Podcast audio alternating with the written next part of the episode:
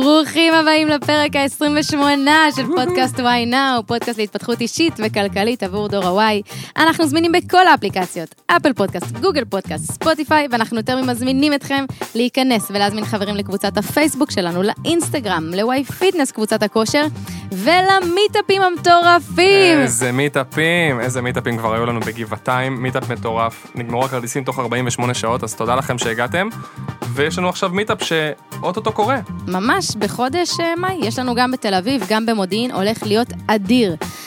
פרק 28, הפרק שיש לנו היום, יעסוק באחת ההשקעות היותר מעניינות שעולות ככה וצוברות תאוצה בשנים האחרונות, הלוואות חברתיות. אם שמעתם את צמד המושגים ואתם לא יודעים מה זה צמד המילים, אז תכף נגלה.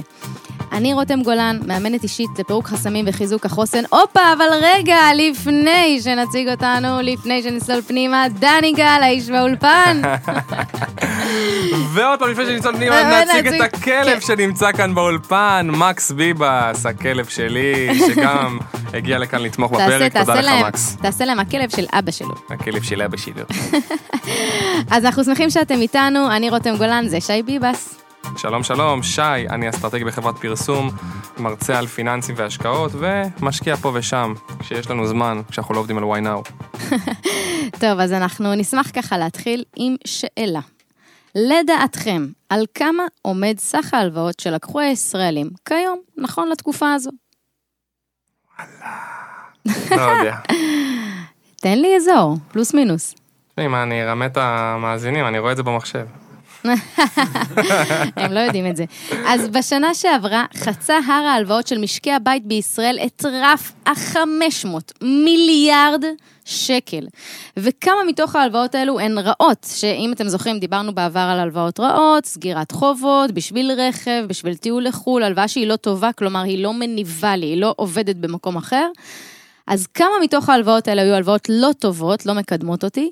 412 מיליארד שקלים. זאת אומרת, קצת יותר מ-80% מההלוואות שלקחו משקי הבית בישראל הן הלוואות לא טובות, לסגירות מינוסים, לקניית רכבים, לטיולים בחו"ל, לכל דבר כזה או אחר, ורק 15-17% הלכו תכלס לדברים מניבים, כמו השקעות, נגיד.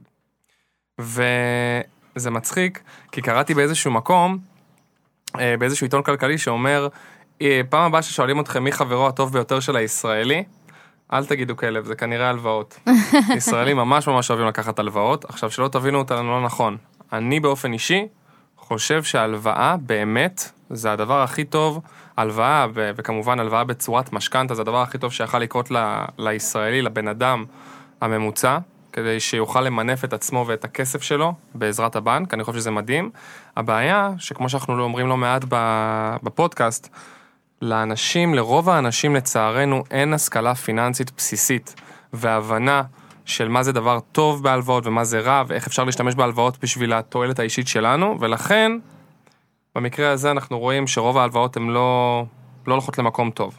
אבל כאן אנחנו בכלל הולכים לדבר על הצד שלוקח את ההלוואה, אלא חס וחלילה. הפוך, הפוך, הצד שמלווה את הכסף, נכון. לא לוקח את ההלוואה. בדיוק, הרי מה שאנחנו מכירים, מההורים שלנו בעיקר, כי אנחנו הולכים לדבר על משהו שהוקם רק בשנים האחרונות. כשאנחנו רוצים הלוואה, יש שלוש מקומות שאנחנו יכולים ללכת אליהם.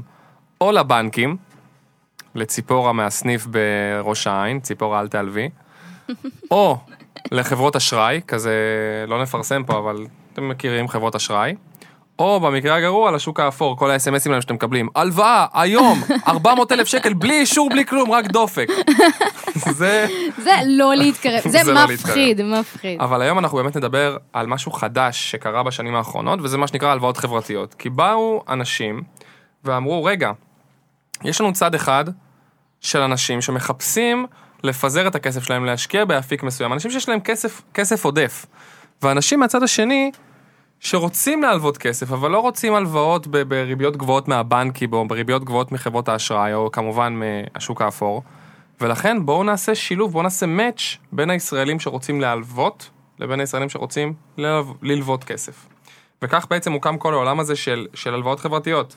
זה בעצם דבר מעולה, כי האלו, האנשים שמלווים יכולים ליהנות מתשואה, ואנחנו עוד מעט נדבר על, על פער התשואות או או, או התשואה הממוצעת שאנחנו יכולים להרוויח בהשקעה שכזו. וממה, וממה היא נוצרת? כאילו, בדיוק. איך זה שיש תשואה? אם אני מלווה לך חמישה שקלים, אתה לוקח חמישה שקלים וזה הלוואה חברתית, כלומר לא בנק, נכון, אז מי מרוויח את הריבית הזו ואיך זה עובד? נכון, וגם כמה כסף מזה הולך לפלטפורמה עצמה, לבנק החברתי כן. הזה במרכאות, שכאילו מקשר ביני לבינך.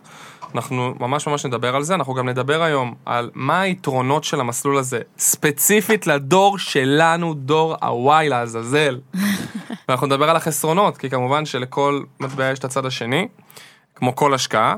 אנחנו נדבר על איך זה יכול להיכנס לנו בתיק ההשקעות בצורה ככה יפה, ו- ולתמוך בתיק ההשקעות ולתת אולי את הפן הזה היותר אה, אה, סיכון פחות גדול, לטווח בינוני, אם זה איזשהו משהו שחיפשתם, איזשהו אפיק השקעה מעניין.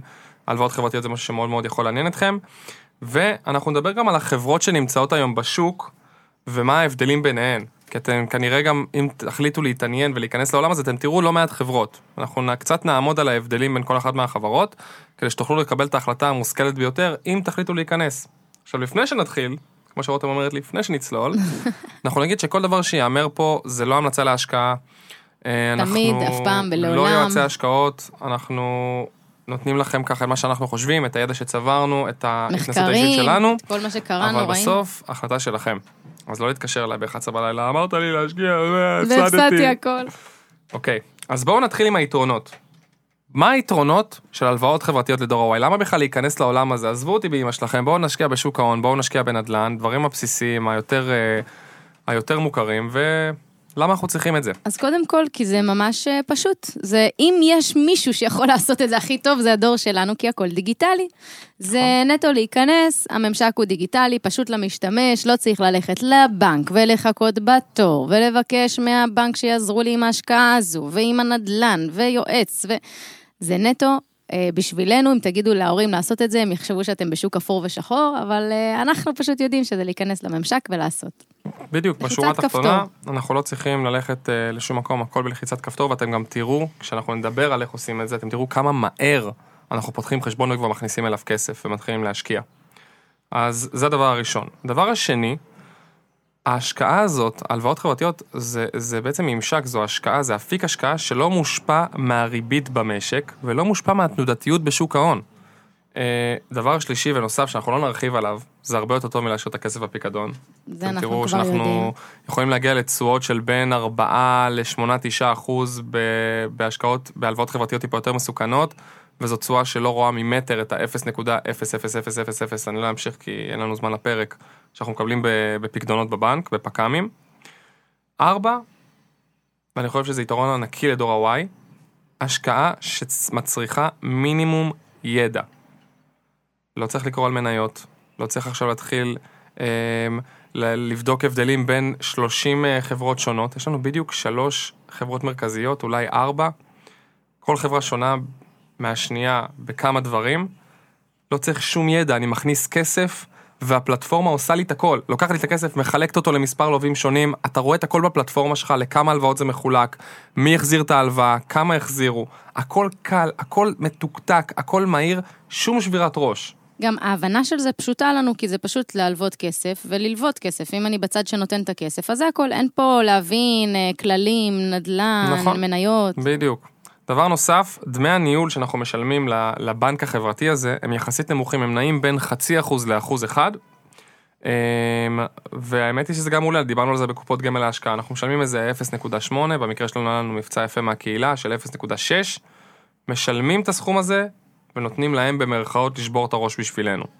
עכשיו, מה זה לשבור את הראש במקרה הזה? זה המון המון דברים, ואתם תשמעו את זה בהמשך. הם שוברים את הראש, זה אומר, אם חס וחלילה מישהו לא מחזיר לכם את ההלוואה, הם מפעילים את הייצוג המשפטי שלהם ושוברים את הראש מולו, אתם לא צריכים לעשות כלום. יש לזה הרבה הרבה מאוד יתרונות על לשלם את החצי אחוז עד אחוז הזה. אמ, בגלל זה זה כמובן גם מינימום התעסקות, זה אנחנו יודעים. נכון. אמ, דבר נוסף, התשואה שאנחנו יכולים לקבל מההשקעה הזאת היא משתנה בהתאם לסיכון שאנחנו מחליטים לקחת. בדומה לשוק ההון, שאמרנו מה יותר מסוכן, מה פחות מסוכן, מה התשואות פלוס מינוס שאנחנו יכולים להרוויח, אנחנו גם כאן יכולים בכל אחת מהפלטפורמות לבחור את המסלול שמתאים לנו. יש לנו מסלולים שהם יותר שמרנים, שזה בעצם לווים שמגיעים עם ערבים ממש, כאילו לקחת את המלווים ש... שמציגים ערב, שזה משהו יותר אה, שמרני. יש הלוואות שהן יותר מסוכנות, ואנחנו יכולים לבחור להיות מושקעים במסלול ההלוואות היותר מסוכנות, שנקרא מסלול אגרסיבי, וככה אנחנו יכולים לבחור את הסיכון שלנו, ועל ידי כך גם את הפוטנציאל הרווח שלנו. דבר נוסף שאני נורא נורא אהבתי, זה כל העולם הזה של שקיפות. בכמה מהחברות האלו אתה פשוט פותח את הפלטפורמה ואתה רואה ממש את הכסף שלך מחולק לכל האנשים שזה, אה, לכל האנשים שאתה מלווה את הכסף. האם האנשים האלו, מי האנשים האלו, האם האנשים האלו יחזירו את ההלוואה, או כמה הם הלוו, ולכמה חודשים, ומה התשואה שאתה אמור להרוויח, ממש הכל שקוף, הכל קליל, ולכן הרבה מאוד אנשים ימצאו מפלט, כמובן אה, במרכאות, בהשקעה הזאת. אמ, מה עוד מעניין?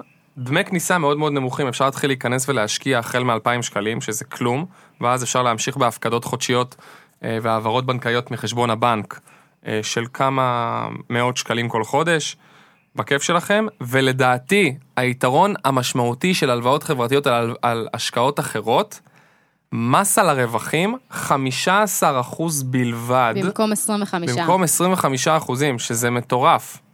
זה 10 אחוזים פחות, זה מטורף, מטורף, מטורף, ולכן אם חיפשתם מקום שבו אתם יכולים למשוך, אה, אתם יכולים לשלם על הרווחים כמה שפחות, ולא לחכות לגיל 60 לדוגמה, כמו קופות גמל, אה, קופת גמל להשקעה, אז יש לכם את המוצר הזה. 15 אחוז בלבד במקום 25.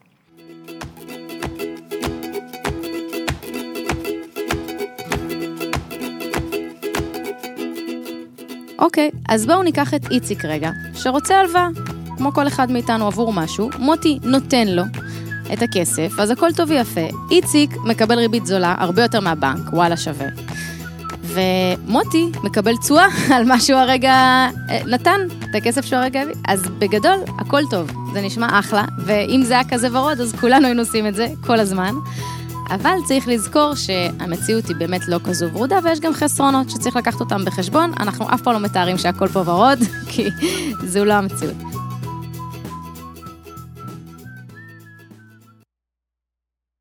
אז אמרנו את כל היתרונות, ותכלס ישבנו פה וכתבנו, ואם תספרו את היתרונות, הגענו לאיזה 11 יתרונות. עכשיו זה נשמע מושלם.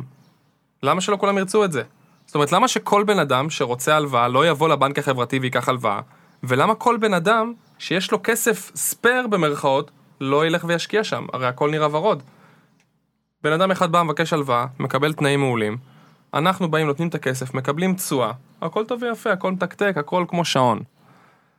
אז כנראה שלא באמת הכל ורוד, וכמובן, כמו שאנחנו מדברים בכל פרק, כל השקעה יש לה את היתרונות ואת החסרונות שלה. וגם להלוואות חברתיות, יש לא מעט חסרונות שאנחנו צריכים לקחת בחשבון. אוקיי, אז החיסרון הראשון הוא שבתכלס, התשואה היא נמוך, התשואה, כלומר, מה שאני עושה בתור זו של נתנה כסף, אני עושה על זה ריבית, התשואה שאני עושה שם היא נמוכה מדברים אחרים, כי בגיל שלנו, כמו שאנחנו זוכרים, שווה לקחת סיכונים, יש לנו הרבה זמן לתקן, מניות בסיכון גבוה, אה, או נדל"ן בסיכון גבוה, שגם יכול אה, להניב דברים נכון. מסוימים. מטבעות דיגיטליים, יש המון דברים שעושים יותר מ-4%. נכון. 4% זה, מישהו קרא לזה, מישהו שדיברתי איתו לפני כמה זמן קרא לזה ריבית אה, תשואה משעממת. עכשיו, עוד פעם, זה לפעמים משרת אותנו, אבל לפעמים גם אנחנו אומרים, אולי חבל לשים את כל הכסף על דבר שנותן לנו 4% אה, תשואה. כן. צעירים. והחיסרון השני הוא שבפועל אלו הלוואות בין אנשים זרים לגמרי. כלומר, בתכלס, אני לא מכירה את מי שהלוויתי לו כסף. זה מתחלק להמון המון אנשים, אני לא יודעת מי הם, אם יחזירו, לא יחזירו, עד כמה אני סומכת על המערכת שבאמת תדע לדרוש את התשלום. נכון. כשאני בא הרי לקחת הלוואה מהבנק, אז מי שמכיר את זה, הם מבקשים, הם רוצים לראות את העובר ושב, ורואים כמה כסף יש לך ומה הולך ומה היכולת שלך להחזיר. הרבה מאוד מההלוואות החברתיות והבנקים החברתיים, אה, יש להם מערכת דיגיטלית שבה אתה מכניס את הפרטים שלך והם כאילו בודקים אם אתה רשאי או זכאי להלוואה וכמה או לא. זו מערכת שאנחנו, שהיא סבבה, אבל אני לא יודע כמה אני רוצה לסמוך על מערכת דיגיטלית שיכולה להחליט במספר שניות כאילו אם לבן אדם הזה מגיעה הלוואה או לא. בסוף זה הכסף שלי ואני, למה שאני אעשה את זה? נכון, ולכן זה קצת מאיים. נכון. הדבר השלישי הוא החיסרון, זה שהכסף הוא לא כל כך נזיל. כלומר, לוקח חודשיים במקסימום, אה, באמת כדי לקבל חזרה את הכסף. הנושא הרביעי הוא שכל מה שדיברנו על זה גם בנכסים דיגיטליים, אם אתם זוכרים, שכל השוק הזה הוא יחסית בתולי וחדש, אוקיי? נניח 4-5 שנים אחורה, נכון. ולכן זה עדיין קצת מאיים ואנחנו לא מכירים את כל השטיקים והדברים הקטנים. החיסרון החמישי הוא שאם יש יותר הלוואות, ואנחנו מחלקים את הסכום להרבה יותר הלוואות, אז הסיכוי הוא מאוד גבוה שאחד לפחות ממי שקיבל ממני כסף לא ישלם. זה פוגע לי בתשואה. משפטית, או כמו ששי הסביר, באמת מטפלים לי בזה ומנסים שהוא יחזיר והכל, אבל אין באמת אחריות או גרנטי שהכל הכל יהיה בסדר, נכון. וגם אם זה יעבוד זה ייקח לי יותר זמן. נכון, עכשיו, עם השנים, הבנקים החברתיים המרכזיים, הפלטפורמות האלו של הלוואות חברתיות התחילו לפתח מערכות כדי לפצות על החסרונות האלו, או כדי למזער אותם כמה שיותר. ואנחנו עוד מעט נדבר על זה. אז אמרנו, איך בתכל'ס זה עובד? התחלנו את התרשים זרימה שלנו. יש לנו איזשהו בחור, בוא ניקח, נקרא לו איציק, הוא רוצה הלוואה של עשרת אלפים שקל. הוא יכול ללכת לבנק, שייתן לו הלוואה בריבית גבוהה, הוא יכול ללכת לחברת האשראי, לקל, ל... ל לא יודע מה, לוויזה, אם מישהו שומע אותי שלא יתבע אותי, וייתנו לו פשוט הלוואה בריבית עוד יותר גבוהה. הוא גם יכול ללכת לשוק האפור. שזה קצת מפחיד. שזה קצת מפחיד. יכולים לחטוף אותו בדרך. והוא יקבל הלוואה בתנאים גרועים זוועתיים, ו... ועוד משהו שהוא יכול לעשות, וזה מה, שאנחנו מדברים, זה באמת לפנות ל... לאיזשהו גוף פיננסי שנותן הלוואות חברתיות. ואז הוא נכנס לאתר, אומר שהוא רוצה להלוות כסף, ממלא את כל הפרטים האישיים שלו, רושם את הסכום, ונרשם. הוא מגיש בקשה, כמובן הבנקים האלו הם לרוב דיגיטליים, ולכן הבקשה שלו מאושרת או לא מאושרת בצורה מאוד מאוד מהירה, זה לא עובר את uh, ציפורה מהבנק, זה פשוט מאושר מאוד מאוד מהר, או לא. ואז הכסף מגיע בדיוק מאנשים כמונו, שבאים ואומרים, יש לי עשרת אלפים, עשרים אלף, אלפיים, מיליון שקל פנוי, בוא נשים אותם בהלוואות חברתיות. עכשיו, מוטי, בוא נקרא לנו, בוא נקרא לנו המלווים מוטי, אנחנו מלווים כסף לפלטפורמה. איך אני יכול לבחור מי סוג האנשים שיקבלו ממני את ההלוואה? כלומר, האם הבחירה נמצאת בידיים שלי וכמה? אז הבחירה הספציפית של אני רוצה להלוות את זה לחברה הזאת, או לחברה הזאת, או לחברה הזאת, או, או לרותם ספציפית, לא נמצאת בידיים שלי. מה כן נמצא בידיים שלי? סוג האנשים שאני רוצה להלוות להם. כלומר, אני יכול לבחור שאני רוצה להלוות רק לחברות, לעסקים, או לבחור שאני רוצה להלוות לאנשים פרטיים, או לעשות איזשהו מיזוג. שילוב. שילוב שלהם. ויש לנו בעצם כמה חברות שקיימות, שאחד הדברים ששונה בין אחת לשנייה, זה סוג האנשים שלהן שלהם הן נותנות את ההלוואה, הן נותנות את ההלוואה. אז בואו ניקח דוגמה אחת, יש לנו חברה אחת שנקראת בלנדר. ובבלנדר, אם אני שם את הכסף, אני מקבל אוטומטית סל של הלוואות, ש... כלומר, אני שם נגיד 20 אלף שקל, והוא ישר אומר לי, אוקיי, בחרנו לך עשרה לווים שונים, הנה הלווים, 2,000 שקל שלך מחולקים, ככה וככה וככה. נגיד, כל לווה לוקח ממך 200 שקל. אני בחרתי את זה או הם בחרו לי? הם בוחרים לך. אוקיי. בלנדר זה להלוואות לאנשים פרטיים. חברת טריה, לדוגמה, שהיא גם עוד איזושהי שחקנית בשוק של ההלוואות, היא לא מאפשרת בחירה ספציפית של ההלוואות, אבל אני יכול לבחור מה רמת הסיכון של ההלוואות שאני רוצה לתת. זאת אומרת, הם אומרים לך, אתה רוצה הלוואות בסיכון נמוך, בינוני או גבוה. מה זה אומר נמוך? לווים שיש להם אה, אה, תזרים או תנאים, או שיש להם היסטוריה פיננסית טובה יותר, ושיש להם נגיד ערבים. ואז אתה אומר, וואי, הלווה הזה הוא מאוד מאוד... הוא מאוד מאוד בטוח יחסית. אבל איך זה הגיוני, אם אתה אמרת שלא בודקים אותם? כאילו... לא, בודקים אותם, אני אומר, לא בודקים אותם פיזית. אם עכשיו את הולכת לבנק ורוצה לקחת הלוואה, את צריכה לבוא, ואת צריכה לתת להם את ה... Mm. בודקים על הטפסים המינימליים שהם הזינו. הכל זה, הכל זה אוקיי. דיגיטלי, אוקיי? עכשיו, אם יש לך ערב, אז זה הופך את זה לעוד יותר אה, בטוח. אז זה נגיד הלוואות בטוחות יותר. אבל את יכולה להחליט שבא לקחת סיכון יותר גבוה. עם אנשים שנגיד פעם היו מסורבי הלוואות, עם אנשים שאין להם ערבים, עם אנשים שהיו להם בעיות בשנים האחרונות, ואז הבנק אומר להם, תשמעו, אנחנו ניתן לכם הלוואה, אבל בריבית מאוד גבוהה. יש סיכוי לא נמוך, יש סיכוי סביר, שאנשים האלה לא יחזירו את ההלוואה או שיהיה להם איתם בעיות, אבל את יכולה לבחור לקחת את הסיכון הזה. אוקיי, ואז אני אקבל ריבית גבוהה יותר. בדיוק, בפוטנציאל. ואז הם מתאימים לך בעצם, את לא בוחרת את האנשים שיקבלו את ההלוואה, אבל את בוחרת את סוג האנשים. כן. לא ספציפית את האנשים. חברה נוספת היא חברת B2B. שדרך אגב, ספוילר לפרק הבא, אנחנו נראיין את המנכ"ל ואת המייסד של החברה, אלון כץ. החברה הזאת היא חברה שאומרת לך שאת הכסף שאת שמה, את נותנת כהלוואה לעסקים. לא לאנשים פרטיים, לעסקים. כמובן שגם את העסקים את לא בוחרת, את כן יכולה לבחור את רמת הסיכון, אבל את העסקים עצמם את לא יכולה לבחור. כן. אוקיי? Okay? ולרוב ההלוואות האלו ניתנות לאנשים שמלווים את הכסף מאיתנו, מהבנק הזה, לתקופה של בין חצי שנה עד חמש שנים. זו בעצם התקופה פלוס מינוס, לא יותר מזה. מה התשואה שאנחנו מקבלים מכל זה? באנו, פתחנו חשבון, עוד שנייה גם נסביר איך פותחים חשבון. שמנו 15, 20, 10,000 שקל, ראינו שקיבלנו את ההלוואה וחולקה לנו לעשרה אנשים שונים, מגניב, מה עושים מכאן? ומה התשואה שבתכלס אנשים מקבלים? למעשה, אנחנו הופכים להיות אלה שמרוויחים במקום הבנקים, כי אם נכון. הבנקים היום חיים על הריביות שלנו, וחיים על זה שאנחנו לוקחים הלוואות, וחיים נכון. על זה שאנחנו מחזירים להם כל שקל בפיק כמה, נכון. אז סוף סוף אנחנו נהנים מזה. נכון. אז מה התשואה שאנחנו מרוויחים? עכשיו, כל חברה כל שנה מדווחת מה התשואה הממוצעת שעשו האנשים שהשקיעו דרכה. אז אם ניקח לדוגמה את חברת B2B, היא אומרת שהיא מדווחת על תשואה של 7.45% בשנה האחרונה. עכשיו, מה חשוב לזכור? שכמובן זה ממוצע. וחשוב לזכור שזה ממוצע של כל המסלולים, המסלול השמרני ביותר וגם המסלול המסוכן ביותר. אנחנו צריכים לקחת בחשבון את הדבר הזה, אבל פלוס מינוס 7.45%. חברת טריה מדווחת על תשואה בטווח של 3.5 עד 8 אחוז. הממוצע עומד על 5.5 אחוז, שזה גם יחסית נחמד. זאת אומרת, זה לא רע בכלל. אמ, ובסופו של דבר, אנחנו גם צריכים לזכור שהלוואה, עם כל היתרון ועם כל הקטע הזה של אפיק ההשקעה הזה, הלוואה חברתית היא הלוואה טובה לכאלו שה... שאין להם דברים, מוצרים פנסיונים אחרים כמו קרן השתלמות או קופת גמל להשקעה. כי ההלוואות חברתיות לא יכולות להתחרות בהלוואות כאלו. הלוואות מקרן השתלמות או מקופת גמל להשקעה הן לרוב הלוואות בתנאים מעולים, מעולים, מעולים, ולכן אנחנו באים לרוב ונותנים את ההלוואות האלו לאנשים שאין להם דברים כאלו.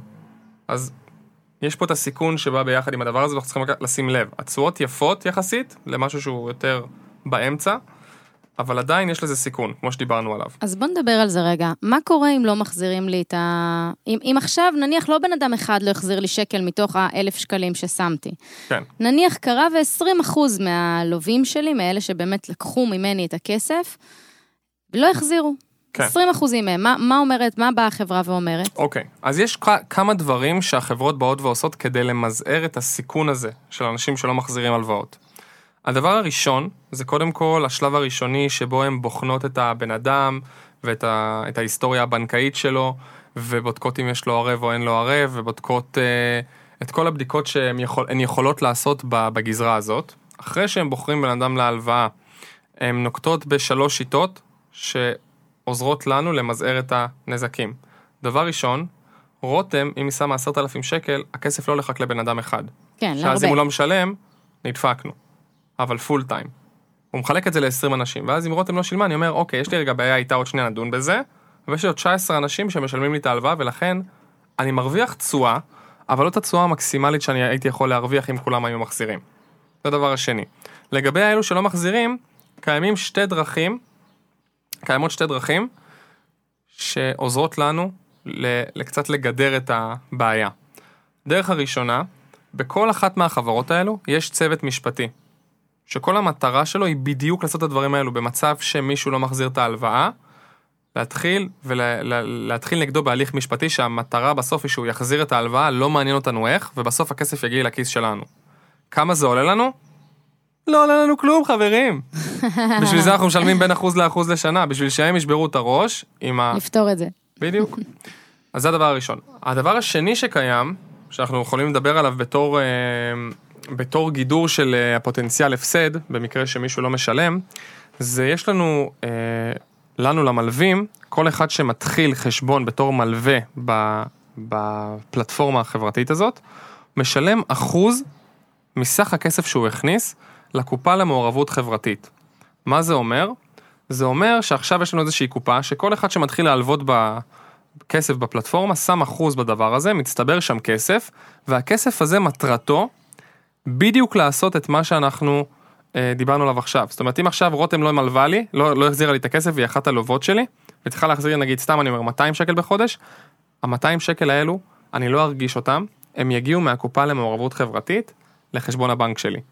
אוקיי? זאת אומרת, הבנק החברתי אומר לנו, תקשיבו, רותם לא החזירה את ההלוואה, ה-200 שקל שהייתה צריכה להחזיר, אתה תקבל את זה כרגע מהקופה למעורבות חברתית, ואנחנו בינתיים נטפל במשפטית.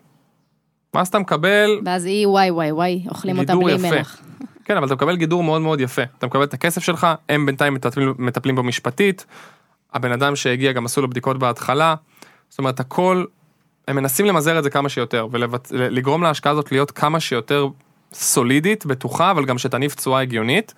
ואני יכול לומר לכם שבארבע, חמש שנים האחרונות, ההשקעה הזאת הכי הכי הולכת עם אנשים שנולדים להם ילדים והם חושבים מה לעשות עם הכסף שהם רוצים לחסוך להם. הרי רוב הפעמים הורים שחוסכים לילדים, זה בגמד הזה שפתחו איזה חשבון כזה חיסכון לכל ילד. נכון. רוב ההורים שמים את זה בפיקדון.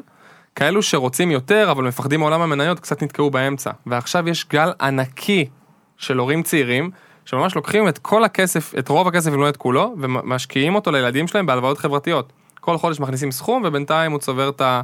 4-5 כן. אחוז. היופי שלא אמרנו בהלוואות חברתיות נראה לי, לא נגענו בזה, שלמה שי אמר עכשיו חוסכים לילדים?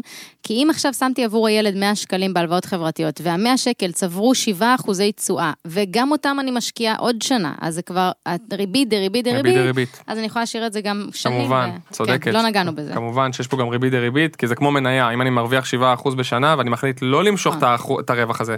דרך אגב, בהלוואות חברתיות אני יכול להחליט למשוך את הרווח השנתי. כן. ולהשאיר את הקרן שם, זאת אומרת אם שמתי 10,000 ועכשיו זה שווה 11,000, אני יכול להחליט למשוך רק את האלף. אבל המינוס זה גם שאני לא נותן לזה לקבל את הריבית דריבית וגם שאני צריך לשלם מס רווח של 15 אחוז. 15, נכון. אז אבל זו גם אפשרות, אתם יכולים למשוך רק את הרווח, אתם יכולים להשאיר את זה ושיצבור את הריבית דריבית.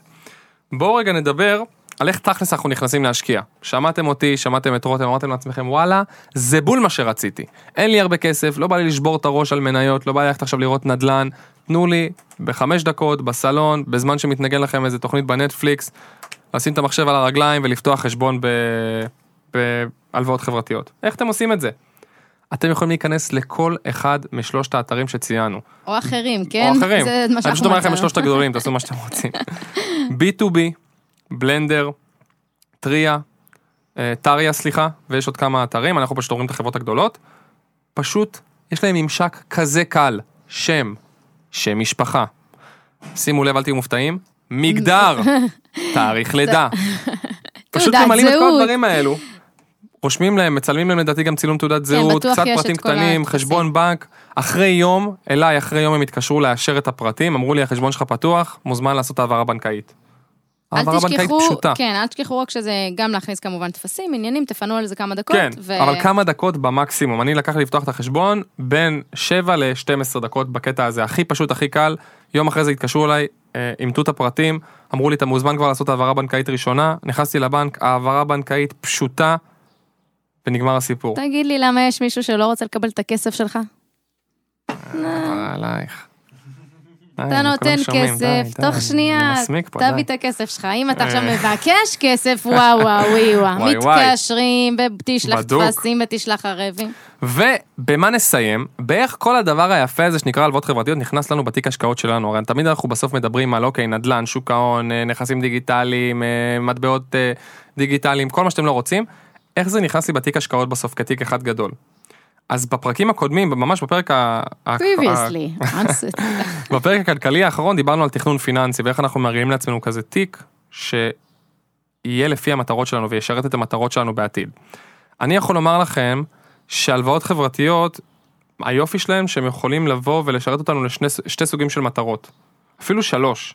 גם לטווח הקצר, קצר אבל ברמת השנתיים שלוש, כי אנחנו כן יכולים לשים את הכסף במקום בפיקדון ולמשוך לפחות את האחוז השנתי, או להשאיר אותו ולתת לו שלוש שנים של ריבית דריבית. אנחנו גם יכולים להשאיר אותו לטווח הבינוני, כי אנחנו נותנים לו עוד פעם להמשיך ולקבל את הריבית דריבית ולא למשוך את הקרן אחרי 4-5 שנים, לצבור סכום יפה. וגם לטווח הארוך, כמו שאמרנו, הרבה מאוד הורים חוסכים לילדים שלהם בהלוואות חברתיות לטווח הארוך, וזה יתרון מאוד מאוד מאוד גדול שלנו. אז ההשקעה הזאת היא מעולה לפיזור, בעיקר לאנשים שמחפשים טווח בינוני או טווח ארוך. ההשקעה הזאת היא נזילה, ולכן היא טובה לטווח הבינוני וגם בגבול לטווח הקצר, כי היא נזילה ואנחנו יכולים להנזיל אותה תוך שבוע, עד במקסימום חודשיים, זה הבן אדם שלקח לו הכי הרבה זמן להנזיל את הכסף, מה ששמעתי סיפור אחד. וכמו שאמרנו, ניתן למסוך, למשוך את התשואה שהרווחנו ולהשאיר את הקרן. בסדר? ו... מעולה לכאלה שאין להם ידע. אז אם יש לכם תיק השקעות וחיפשתם איזושהי השקעה לטווח ארוך או לטווח בינוני ואמרתם אין לי כוח לשבור את הראש בחשבון מסחר עצמאי לדוגמה, יש לכם פה השקעה שכן יש לה מינוסים כמו שאמרנו, התשואה היא לא תהיה 30 אחוז, פוטנציאלית כמו במניות נגיד, אבל היא מאוד קלה, היא מאוד פשוטה, הממשק שלה מאוד נוח, והמעקב והשקיפות מאוד מאוד גדולים, והיא מאוד מאוד נזילה. אז זהו, יאללה, בוא נלך נגמר. להשקיע. בוא נלך להשקיע.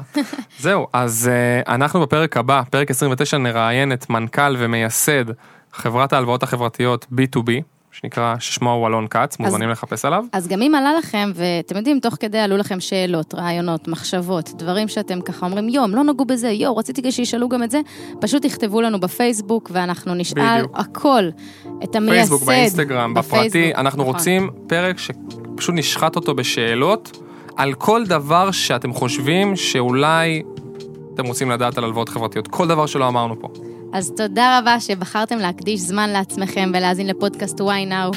תוקירו את עצמכם על זה שהחלטתם פשוט לפתח את עצמכם עכשיו, אישית וכלכלית, לצבור עוד ידע. אם אהבתם את הפרק, שתפו אותו בבקשה עם אדם אחד שאתם מכירים ואוהבים. צלמו מסך כשאתם מאזינים לפרק, בחייאת.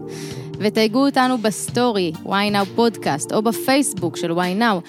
רק בעזרתכם, אבל באמת נצליח לגדול ולהיות משמעותיים עבור הדור שלנו, ולהגיע יחד לכמה שיותר בני ובנות דור ה-Y. ותמיד. זכרו. שי, תענה לי. ותמיד זכרו, why now? כי אין זמן יותר טוב להגשים מה שתמיד רציתם. אין זמן טוב מעכשיו להתקדם לעבר החיים שאתם באמת רוצים לעצמכם, ונתראה בפרק הבא.